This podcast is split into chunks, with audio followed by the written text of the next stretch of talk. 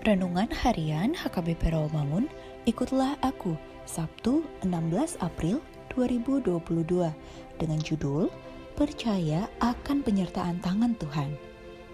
Bacaan kita pada pagi ini tertulis dalam Ayub 1 ayat 13 sampai 22 dan bacaan kita pada malam ini tertulis dalam Kejadian 12 ayat 1 sampai 9. Dan kebenaran firman yang menjadi ayat renungan kita hari ini ialah Ibrani 10 ayat 23 yang berbunyi Marilah kita teguh berpegang pada pengakuan tentang pengharapan kita sebab ia yang menjanjikannya setia. Demikian firman Tuhan. Sahabat, ikutlah aku yang dikasihi Tuhan Yesus. Perkataan keyakinan dan iman yang teguh berhubungan dengan kehidupan di dalam tempat maha kudus, dan dengan demikian, segenap yang dikatakan dalam nats ini memiliki tiga kebajikan, yaitu iman, pengharapan, dan kasih. Teguh berpegang pada pengakuan iman adalah kewajiban kita terhadap Allah. Saling memperhatikan adalah merupakan kewajiban kita terhadap saudara kita. Janganlah kita menjauhkan diri dari pertemuan-pertemuan ibadah kita, karena ini juga adalah kewajiban kita sebagai orang Kristen melaksanakan ibadah kepada Tuhan.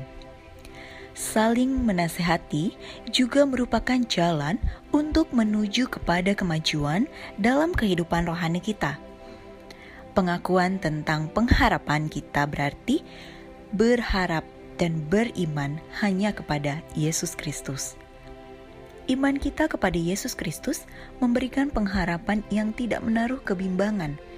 Janganlah kita sampai melepaskan diri dari apa yang kita imani. Suara-suara yang sinis atau mengejek boleh mencoba mengambil kepercayaan kita. Orang-orang materialistis dengan segala argumentasinya boleh mencoba membuat kita lupa akan Allah.